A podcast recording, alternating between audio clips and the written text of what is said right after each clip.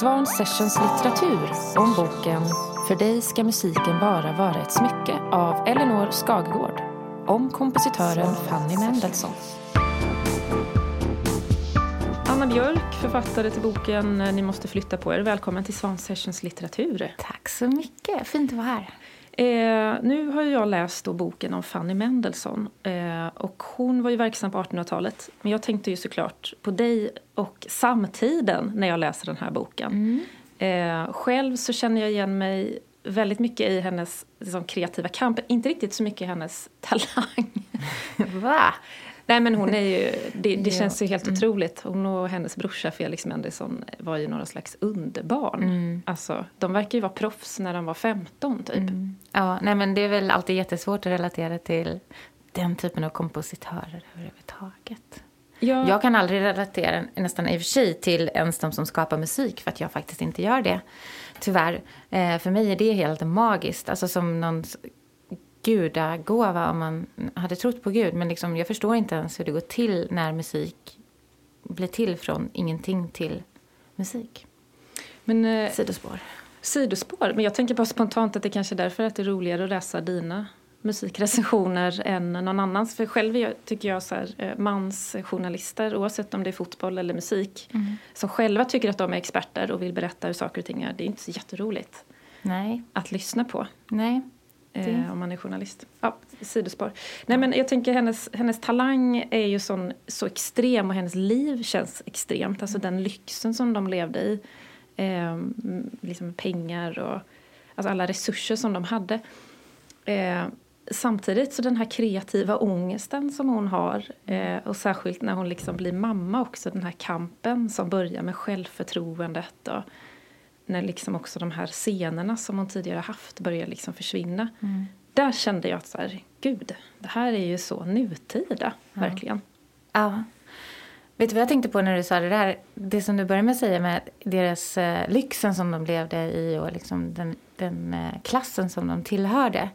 Det tycker jag är en väldigt tydlig parallell till min bok. Eh, de som jag skildrar, för ibland har jag tänkt så här, men varför Eh, får inte de här kvinnorna plats i min bok? Eh, färgade kvinnor eller en eh, indie-rocken eller liksom massa andra typer av kvinnor och musikskapande. Men i min bok har jag faktiskt fokuserat på ganska privilegierade popkvinnor. Det är också därför att de är kanske de som har bäst chans att ta kampen. Eh, de har bäst förutsättningar, de har någonting i ryggen, de har möjlighet att tillträda till de här rummen, de har ett självförtroende och de vet också att om de trillar så finns det någon där som tar emot dem. Det är en helt annan sak än om man kommer från ingenting eh, och ska då börja till exempel komponera klassisk musik. Hur ska man ens göra det? Mm.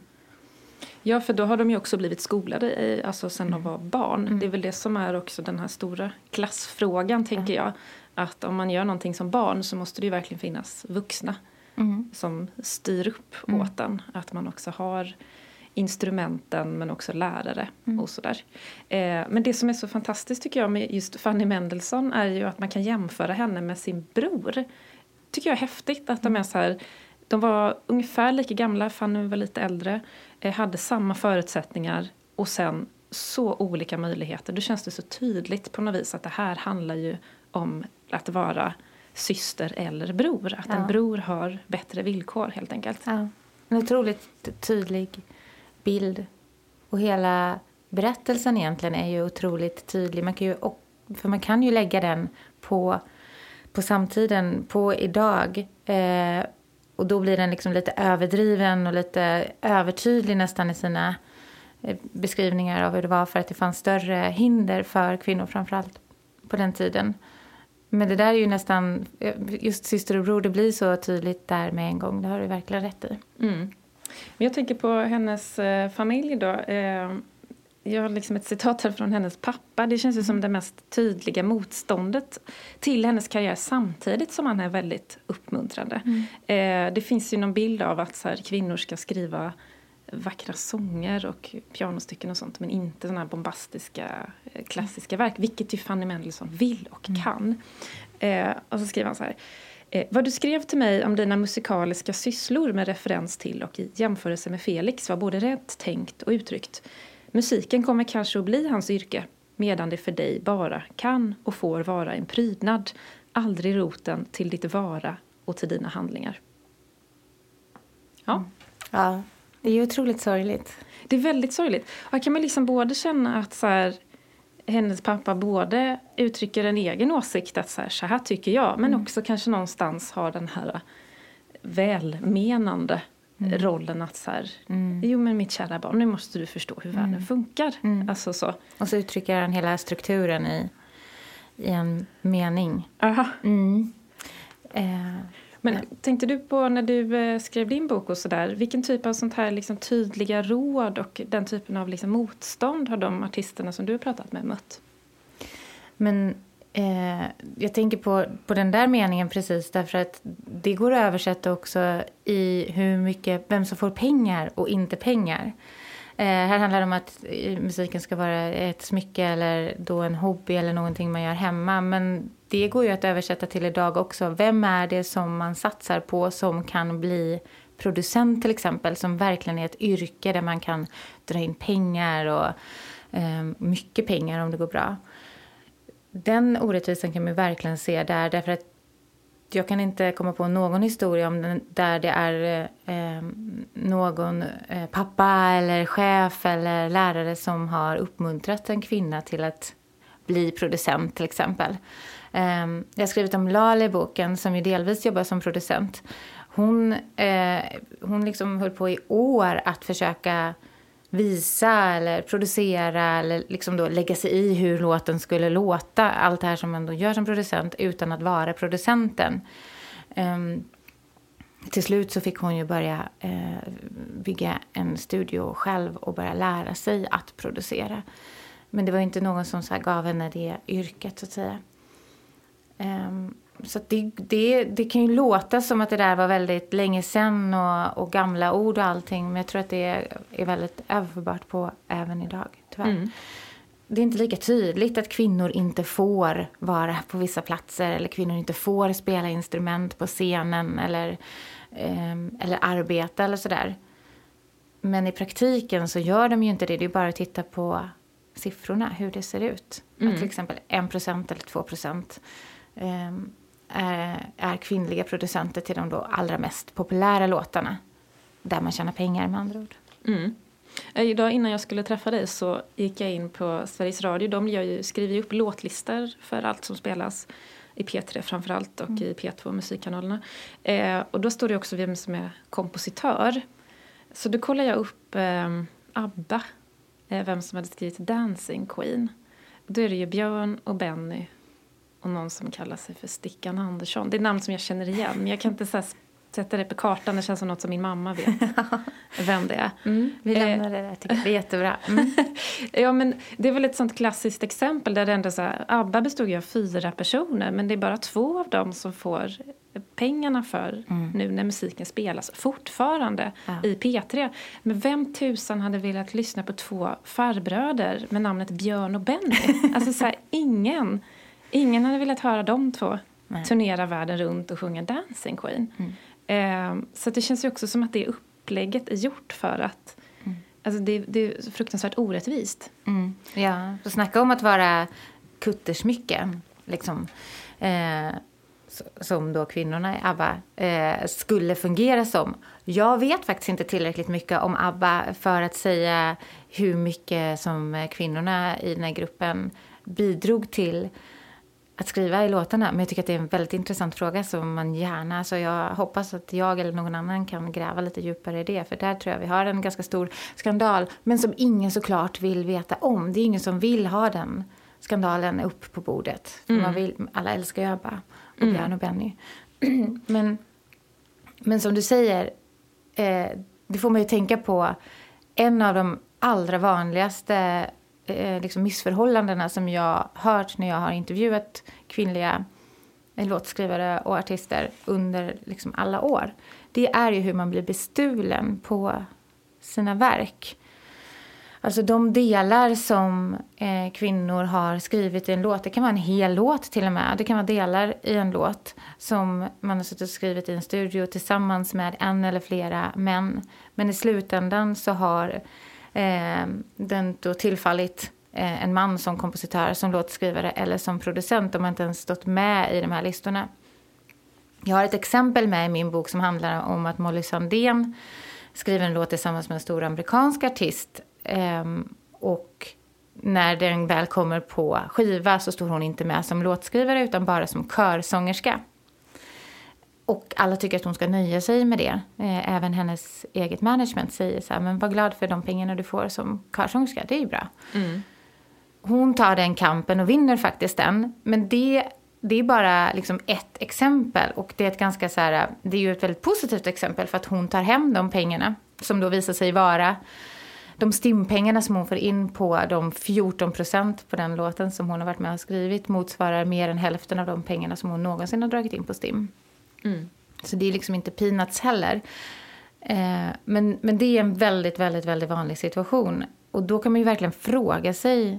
Det här är ju en historia, eh, eh, den boken är en historia om Eh, någonting som vi idag kan lyfta upp och en person som har, som, som har gjort verk som eh, inte, man inte fick veta om på den tiden och man ger henne upprättelse nu. Men man kan ju liksom fråga sig hur många låtar i pophistorien som, där pengarna egentligen skulle ha gått till en kvinna. Mm.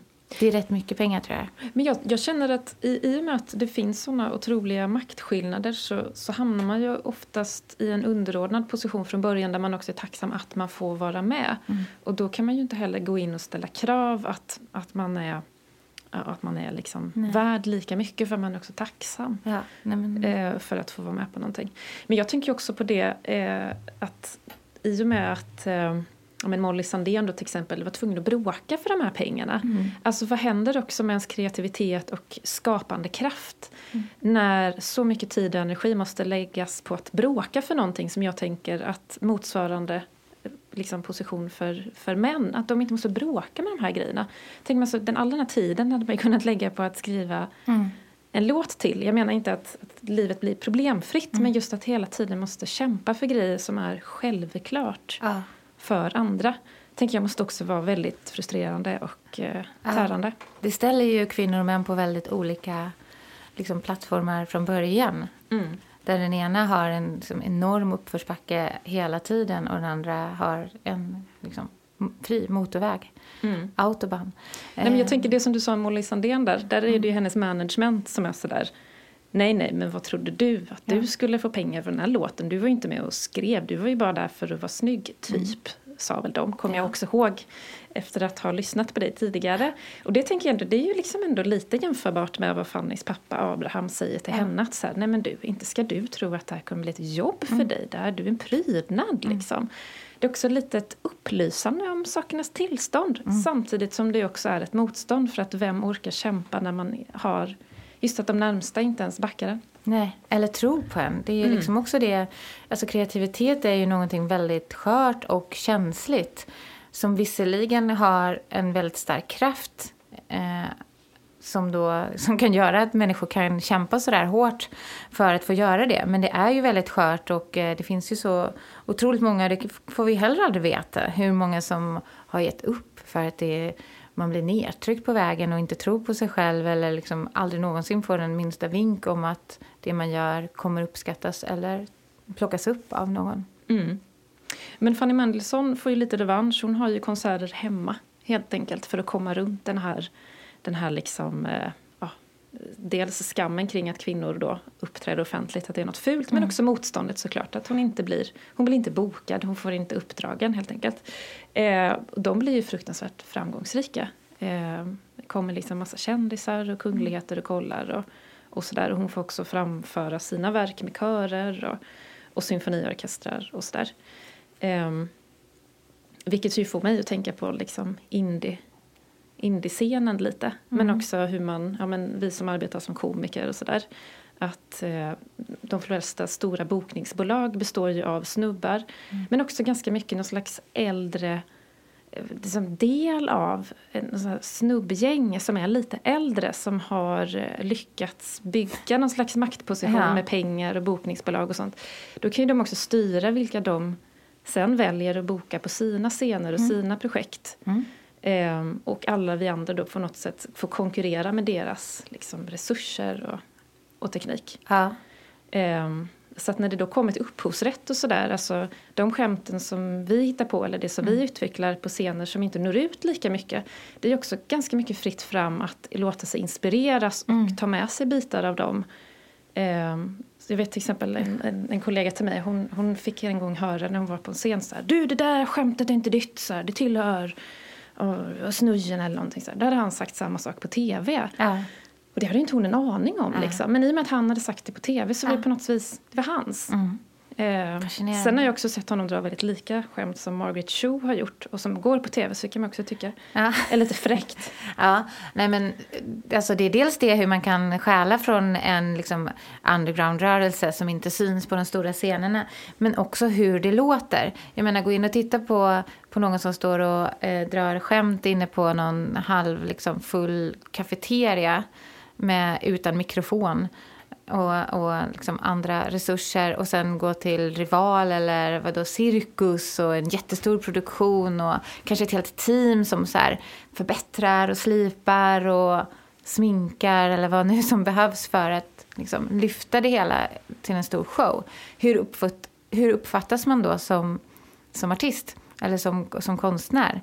Det är, det är en enorm skillnad och den biten tror jag också är liksom väldigt, väldigt stor. Det går in i så många olika detaljer. Det handlar ju också om, kan jag också dra paralleller till när man skriver. Vem, vem lyfter man från början och vem får resurser och hur bra blir den då eller framstår den och vem får chanser att framstå som väldigt fantastisk. Och vem måste hela tiden slåss och gråta och liksom får skriva i spalterna eller vad det nu är. Mm.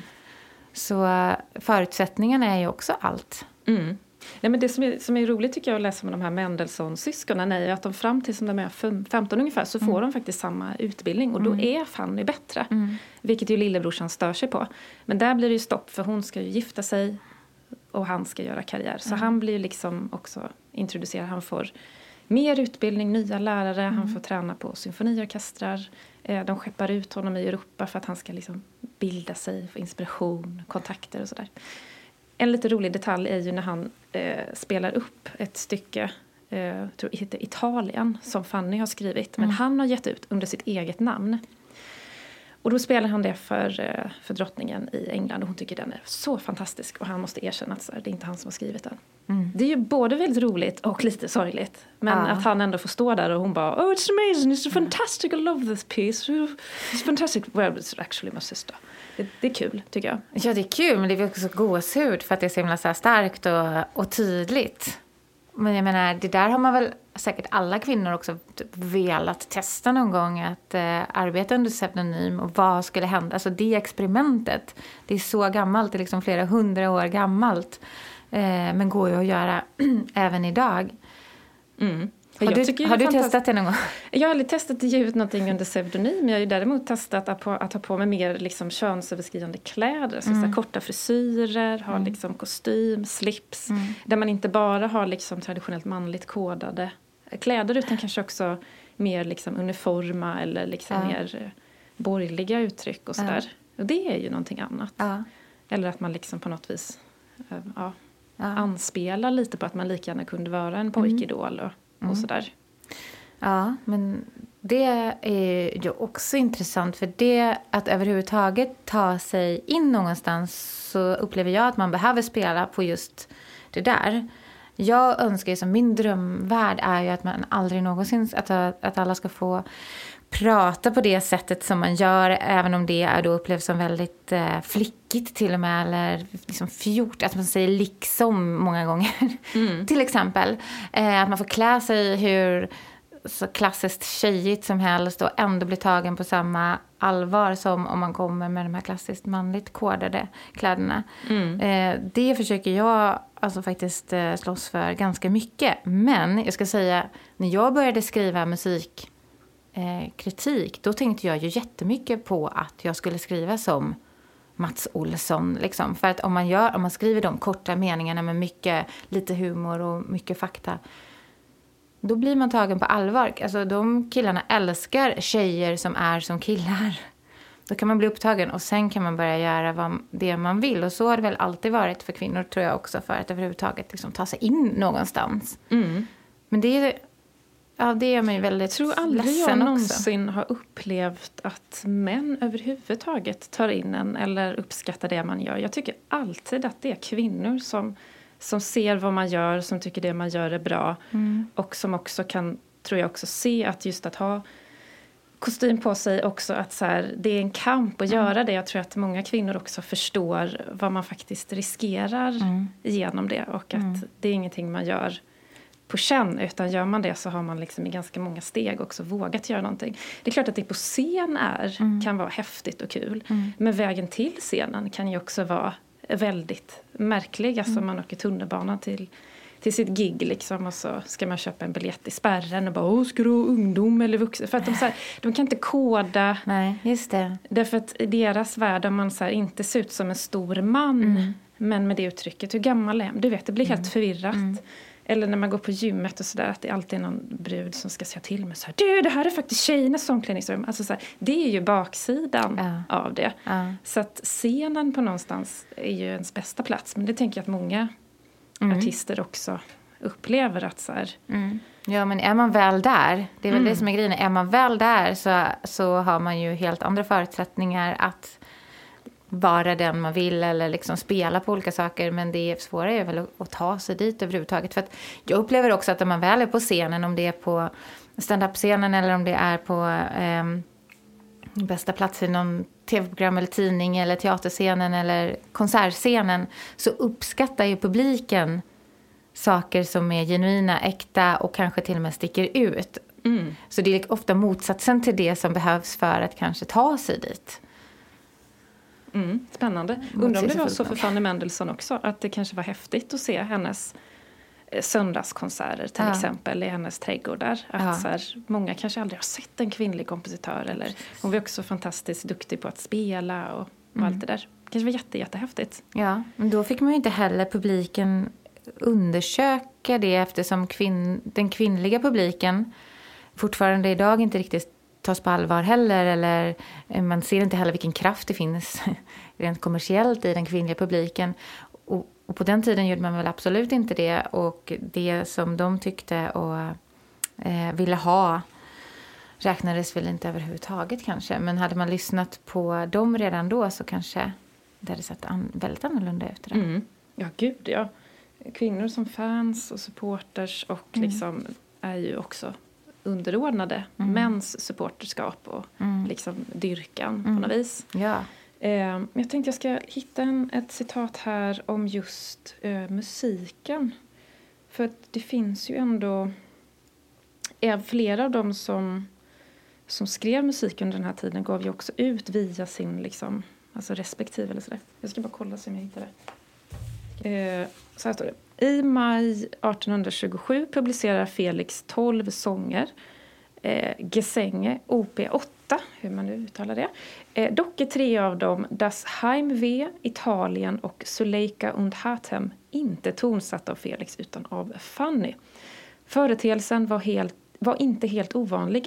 Exempelvis framkom det senare att flera av dikterna i Goethes Västöstlig divan i själva verket var skrivna av hans musa Marianne von Hill Willemer Eh, och på ännu närmare håll fanns Fannys faster, Dorothea Schlegel, vars översättningar och essäer inte sällan publicerades i hennes mans, mm. Friedrich Schlegels namn. Sopranen Pauline von Decker använde ett alternativt tillvägagångssätt och publicerade fyra opus anonymt under namnet P.F. Markshausen. I Sverige fanns tonsättaren Laura Netzel som använde pseudonymen N. Lago. Ja, det är ju bara några då. Ja. Men det är som den här filmen, som jag inte nu minns vad den heter, som handlar om nobelpristagare. Eh, som under alla år är hans fru som har skrivit böckerna. Jag kommer inte ihåg vad den heter. Är det, är det, den, eh, är det den med hon eh, Glenn Close? Ja. Okej. Okay. Jag har inte sett filmen, jag har bara hört om den. Men det var det som var twisten. Ja, men precis. Det är det som är hela filmen. Den, den handlar om det. Hon har skrivit böckerna, men eh, de bestämde sig tidigt för att han skulle vara författaren bakom den. För han hade liksom allting. Han var en litteraturprofessor och man och så vidare. Hon var kvinna och det skulle aldrig funka för henne att bli författare. Och jag tror att det finns fler sådana filmer på det temat faktiskt. Och sen så har vi liksom den här boken. Det känns som att det här är någonting som faktiskt håller på att man vill revidera historien rätt och hitta de här riktiga skaparna av verken. Men det är också otroligt. Förstå hur mycket... Tänk om det visar sig att fler verk är skrivna av kvinnor än Ja, det måste ju vara så. Jag tänker också hela historieskrivningen kring män är ju också så absurd.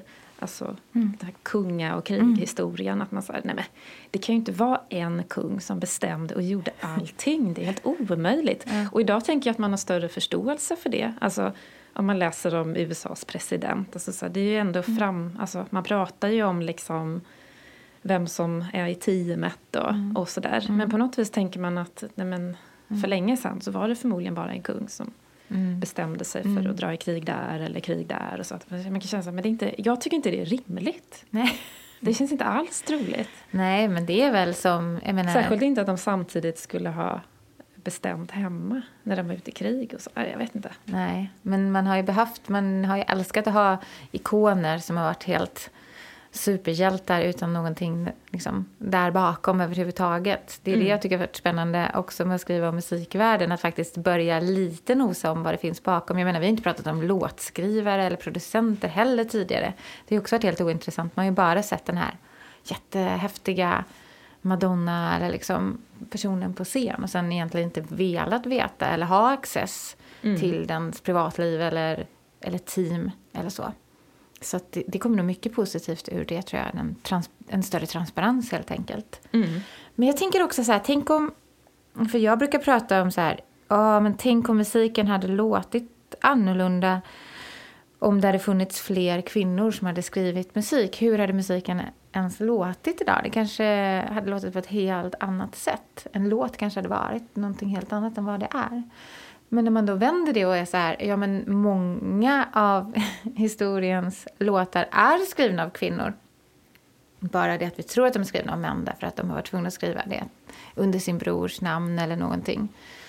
Så kanske inte ens det stämmer som, som jag säger att det skulle kunna låta annorlunda om kvinnor hade varit eh, låtskrivarna, för att de redan har varit det. Ja. Det blir väldigt komplicerat och komplext. Men jag älskar komplicerat och komplext. Jag ja. tänker på också hur eh, de här, när de hittade de här, de hittade ju en sonat. Fanny Mendelssohn kämpade ju arslet av sig med att skriva en, en sonat.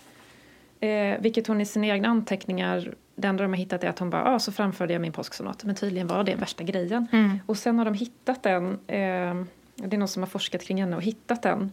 Och signerad F. Mendelssohn. Ja. Och också kommit på att det måste varit Fanny Mendelssohn. Dels efter hur de var numrerade som kunde mäta det mot mm. en, en, ett häfte med mm. Eh, noter. Mm. Som kunde också stämma av att så här, det här är exakt de mm. sidorna som saknas. Mm. Det de saknades, kunde... det är som en en deckare eller det är ja, väldigt spännande ja, det där. Oh ja, och sen så också kunde hon då analysera liksom ja. hur, hur den lät och allt sånt där. Eh, men hon blev ju också motsagd, vilket jag tycker är roligt för att just det här så här, men du och jag kanske skulle tycka det var skithärligt om man fick reda på att fler av de här liksom mansgiganterna i själva verket var väldigt sårbara och i mm. behov av hjälp och stöttning och kanske inte alls gjorde allting själva. Vi skulle tycka det var skitnice. Ja.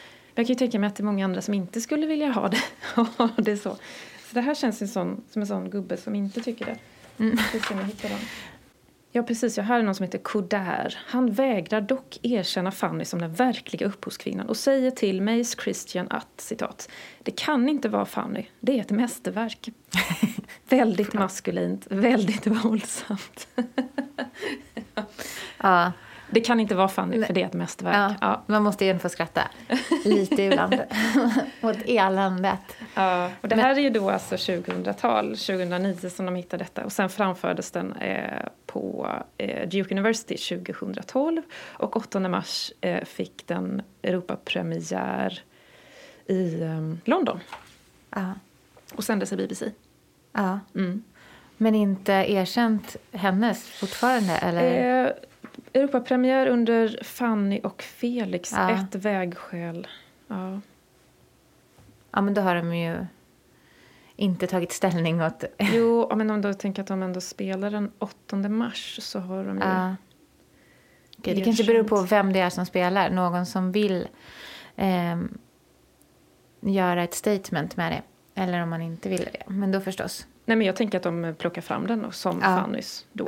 Ja. Eh, Eftersom att de också satte den 8 mars. Gud vad tråkigt det hade varit om de var så här, 8 Ja, men det låter- mars. Nej, det låter orimligt. Som alltså, strö salt i såren. Ehm, Det var faktiskt Felix. Ja. Ja, nej, men det är jätteintressant att veta. Nu skulle man ju vilja veta lite mer om vad den här personen anser är maskulint och eh, våldsamt i musik och sådär. Eh, en del av mig vill ju säga så här, men man kan inte säga att musik är maskulin eller man kan inte säga att våldsamt är maskulint åtminstone. Men, eh, men jag pratar ändå ganska mycket om vad som skulle kunna vara eh, kvinnligt och manligt i musik eller hur det kan låta eller vad, hur, kanske, kanske inte lika mycket hur musiken låter som den, hur den kommer fram och av vad. Ehm, en svensk låtskrivare som heter Nunu Bao, till exempel, som är med i min- min bok. Hon har liksom nu slagit igenom ganska stort i Hollywood och skriver låtar åt eh, stora amerikanska artister och har hits högt upp på listorna där. Eh, tillsammans med många flera kvinnliga låtskrivare faktiskt. Hon har haft ungefär samma typ av låtskriveri och hela tiden hennes stil. Liksom. Men när hon började presentera den för så här eh, 10-15 år sedan så var det så konstigt. Man tyckte hela tiden att det var konstigt. Hon har i och för sig fortsatt jobba som låtskrivare under hela tiden men aldrig fått särskilt mycket anslag eller pengar eller ordentliga chanser utan bara, ja men du kan nog utvecklas. Det har jag alltid tänkt är en del att hon skrev eh, musik så som hon ville skriva musiken och på ett väldigt modernt kvinnligt sätt, man ska säga. Popmusik som kanske inte alls, som kanske är motsatsen på många sätt till Max Martins liksom 90-tals eh, låtar till Britney och sådär. Det tog henne så pass lång tid att liksom jobba sig själv då till kontakter att hon till slut har lyckats få en låt som hamnat på en lista och sådär. Eh, det tycker jag är jätteintressant. För att om det hade suttit med kvinnor och lyssnat vid de här mötena när hon spelade upp sina första låtar, då kanske de hade talat till, till dem, alltså kvinnor på förlagssidan eller skivbolagssidan. Då kanske de hade hört vad det var i låtarna, i tonerna, i, i orden, i känslan, i ämnet som hon ville förmedla. Och då kanske det hade gått mycket snabbare för dem att nå listorna. Mm. Typ som att en artist som Billie Eilish idag kan slå igenom med någonting som hela branschen bara fattar inte vad det här är för musik. Det är inga låtar, det handlar om jättekonstiga saker, psykisk ohälsa. Den vägen har hon liksom tagit genom Soundcloud, visserligen uppbackad av skivbolagspengar delvis, men ja, det finns någonting där, ett uttryck från kvinnor som jag tror man hade kunnat plocka upp tidigare om det fanns fler kvinnor i branschen, att höra det. Mm. Ja, men jag tänker på, eh, jag tänker ju på att den här våldsamma musiken, Mm. alltså att det finns väl ändå någonting i Fanny Mendelssohn också som är så här att hon inte riktigt, alltså att det finns någon typ av feministisk medvetenhet hos henne. Att så här, om hon hade varit en kille hade hon haft andra möjligheter. Och att hon inte heller var så där eh, ja, men typiskt tjejig tror jag som, eh, som barn. Att Det står liksom i boken att hon inte var, hon var inte ful liksom, men hon var inte skitsnygg som syrran. Eller hon, var inte, hon var inte intresserad av liksom passion, hon ville bara producera och sådär. Och Det kodar man ju som ett, ett manligt eh, beteende oftast, att man är så. Eh, det är svårt att säga liksom om det är det eller inte är det. På något vis så blir det ju ändå mer som ett slags kodspråk och som förändras i, i olika tider. Så att även om man kanske inte vill nå Alltså det kanske inte är bara män som kan göra hård metalmusik. Det kan ju vem som helst tycka om. Men jag tänker att när man ändå... eh, Jag vet inte, det är ändå någonting i det uttrycket som jag tror att många är medvetna om. Att så här, det här ska tilltala män. Och att välja det är ju som en slags till exempel ha metalband i Melodifestivalen. Jag förstår mig inte på det. Alltså, så här, poängen är att man ska slippa det i Melodifestivalen. Ja. Det har också varit en del av liksom, gaykulturen. Och så. Mm. Kan man inte få, måste det supermanliga uttrycket in också? Mm. Um, Samtidigt som jag då tycker det är roligt att se tjejer med gitarrer mm. och sådär. Men liksom fler snubbar med gitarr, du vet, man blir bara helt less Ja. Men tror du inte att hon kunde passa att hon också kunde så här, om hon visste att hon skrev den här låten under hans namn, då kunde hon ju också passa på att ta ut de känslorna och de tonerna, alltså de liksom världarna som då ansågs våldsamma och inte passande för en kvinna att skriva. Mm. Eller som kanske inte ens ville skriva som kvinna för att hon kanske ville göra en annan typ av musik som skulle komma fram när det var hon som avsändare. Det är inte det att kvinnor inte kan det. Eh, det kanske ja, är någonting helt annat som beror på att man inte gör det sådär.